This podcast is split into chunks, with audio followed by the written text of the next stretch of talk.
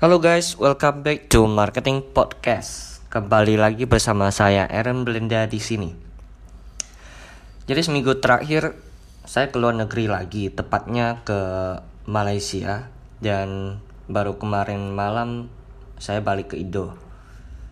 Saya ke sana untuk menghadiri uh, salah satu event tahunan yang diadakan oleh teman saya.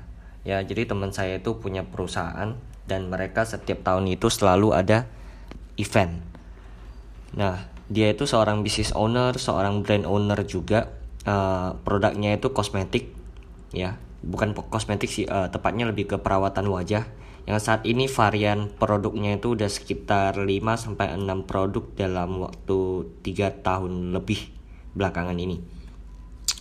Yang hadir di acara tersebut itu adalah hampir semua itu distributornya dia yang sudah menyentuh omset minimal 500 juta setiap bulannya stabil. Ya, itu yang yang dibawa ke event tahunannya. Dengan kata lain, sudah stok produknya dia, produknya teman saya ini senilai 500 juta. Ya. Ternyata setiap distributor yang ke sana itu punya downline kalau teman-teman tahu downline istilah dalam MLM ya multi level marketing jadi setiap distributornya mereka itu punya member di bawahnya lah istilahnya. Kalau mungkin bahasa kita itu reseller lah ya. Aktif minimal 50 sampai 100 orang. Uh, saya tahu banyak orang yang sensitif dengan istilah MLM tapi di podcast kali ini saya hanya akan bahas apa saja take away atau keynotes ya yang menurut saya menurut saya worth it untuk saya share ke teman-teman. Siapa tahu bisa bermanfaat di bisnisnya So, apa saja yang bisa kita pelajari dari bisnis model seperti ini? Let's see. Pertama, bisnis model seperti ini uh, ternyata mereka itu mengharuskan orang lain atau bawahannya itu untuk stok. Ya, mereka harus stok. Jadi gak sama seperti saya dan Rico yang uh, saranin ketika misalkan teman-teman mau baru mau mulai bisnis mulailah dengan bisnis dropshipping. Ya semuanya ada pro ada kontranya ada uh, ada pro dan consnya ya. Ada kelebihan dan kekurangannya lah. Kalau misalkan stok kelebihannya ini uh, kemudian kalau misalkan nggak stok kelebihan kekurangannya juga ini.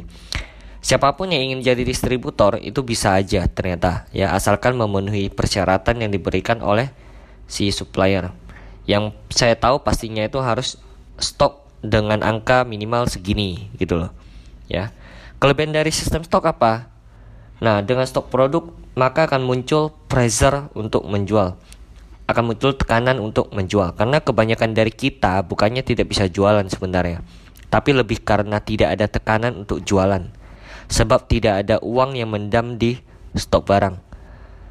Ya tidak ada uang yang mendam di stok barang. Jadi kalau misalkan teman-teman yang di luar sana lihat kebanyakan mereka masih dropshipping ya. Kalau mereka cuma sebatas dropshipping jualannya syukur. Kalau nggak jualan ya nggak apa-apa. Selama mereka masih bisa bisa makan hari itu saya yakin tekanannya itu tidak akan sebesar daripada yang mereka stok barang. Ya kalau misalkan hari ini saya stok barang saya punya uang 100 juta ternyata belum ada uh, stok saya yang terjual maka saya akan lebih stres. Nah karena ada tekanan seperti itulah maka otak kita itu kebiasaannya akan dipaksa untuk berpikir bagaimana caranya saya bisa menjual semua ini. Nah, itu kelebihan dari uh, ketika Anda sebagai seorang supplier mengharuskan uh, bawahan Anda untuk stok, ya.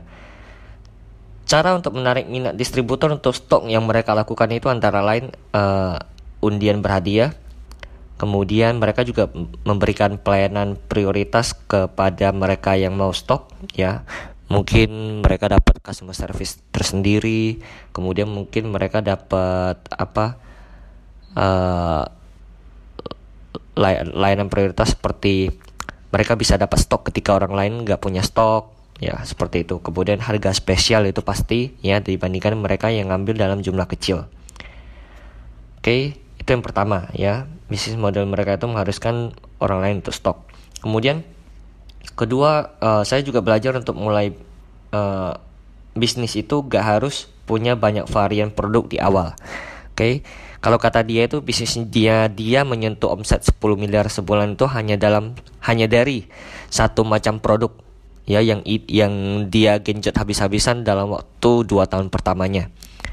Ya, jadi dia benar-benar mulai dari satu macam produk doang. Oke. Okay. Kebanyakan bisnis kolaps itu bukan karena kurang inovasi, tapi juga kadang dikarenakan oleh over inovasi.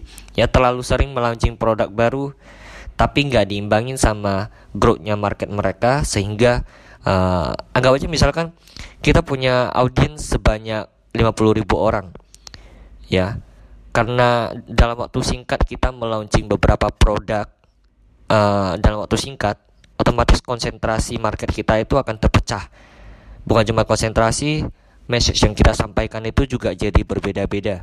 Produk A belum selesai, kita udah promoin produk B. Produk B belum selesai, kita udah promoin produk C. Dan akhirnya mereka jadi bingung. Ya, ingat kalau pembeli bingung, maka cenderung tidak akan membeli. Belum lagi kalau dana mereka itu harus uh, terbagi ke produk A, ke produk B, ke produk C-nya kita. Gitu loh. Ya. Jadi dia itu benar-benar mulai dari satu macam produk uh, sampai satu macam produknya tersebut brandnya sudah oke okay banget ya sudah uh, dikenal di mana-mana baru ia mulai melaunching produk kedua, produk ketiga, produk keempatnya dan seterusnya. Oke. Okay?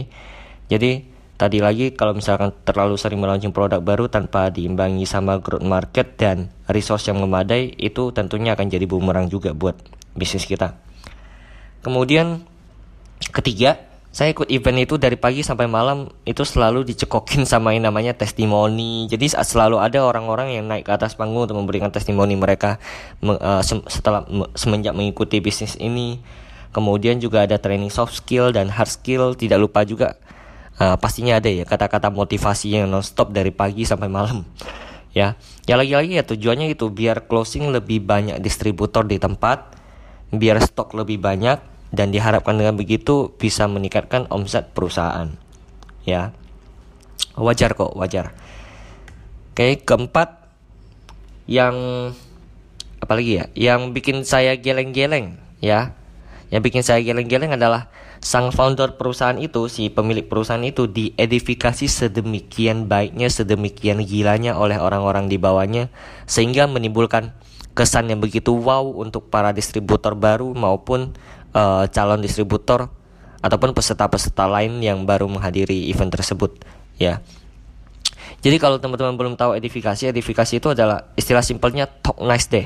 Ya, talk nice kita berbicara yang manis-manis, berbicara yang baik-baik terhadap orang lain. Ya, nah edifikasi ini sebenarnya udah sangat lazim kalau dalam dunia MLM, tapi tapi uh, yang saya tahu ya sampai sekarang itu sangat powerful kalau benar-benar dipraktekin. Misal gini, Ketika Anda ketemu seorang klien yang menurut Anda susah untuk di closing, Anda bisa membawa seorang partner Anda atau atasan Anda bersama Anda. Ya, kenalkan ini Pak Andre, partner saya. Beliau sudah pengalaman 15 tahun dalam dunia ini dan saat ini memimpin 5 perusahaan dengan 120 cabang di seluruh Indonesia. Nah, Anda bayangin kalau misalkan Anda sudah kenali seseorang dengan dengan power seperti itu, ya kira-kira calon klien Anda akan seperti apa? Dengan memberikan power kepada orang lain itu cenderung bisa meningkatkan konversi dari sebuah transaksi karena calon klien Anda yang mungkin tadinya meremehkan atau uh, merendahkan Anda akan mulai menunjukkan rasa hormatnya ya. Oh ya, ada lagi yang namanya duplikasi. Dalam bisnis model seperti ini duplikasi itu sangat penting. Karena apa yang dilakukan oleh si supplier, apa yang dikatakan, skripnya seperti apa, cara closingnya seperti apa, gestur tubuhnya seperti apa, budayanya seperti apa, uh, ngadain acaranya seperti apa semuanya ditiru jiplak-plek sama bawahannya ke bawahannya lagi. Ya jadi mereka tidak perlu terlalu kreatif untuk mikir saya harus closing gimana nih saya harus bikin acara seperti apa nih saya harus uh, memberikan training seperti apa nih. Nah itu mereka cukup duplikasi saja ya semakin kuat budaya duplikasinya maka akan semakin cepat berhasil perusahaan tersebut oke okay? kemudian terakhir kelima sistem reward yang begitu emosional ya. Jadi sepanjang event tersebut banyak sekali reward-reward yang dis uh, atau hadiah atau penghargaan yang diserahkan dan semuanya dilakukan di atas panggung secara dramatis. Ya. Menurut saya dramatis sih. Oke. Okay?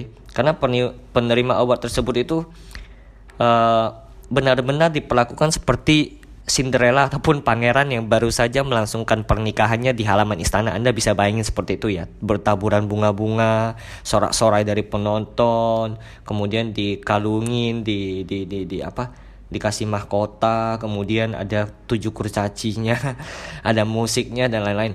Why? Kenapa harus harus di drama teaser seperti itu? Kalau kata Om Dale Carnegie, people work for money but go the extra mile for recognition, praise, and rewards.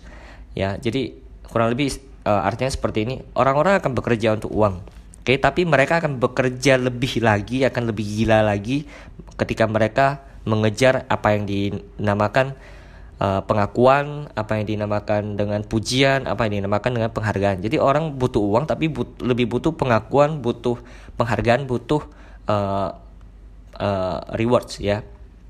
Pujian. Oke okay, that's it ya untuk uh, podcast kali ini. Hopefully ada yang bisa diterapkan di bisnis anda. Semoga bermanfaat. See you in the next podcast. Jangan lupa marketing hari ini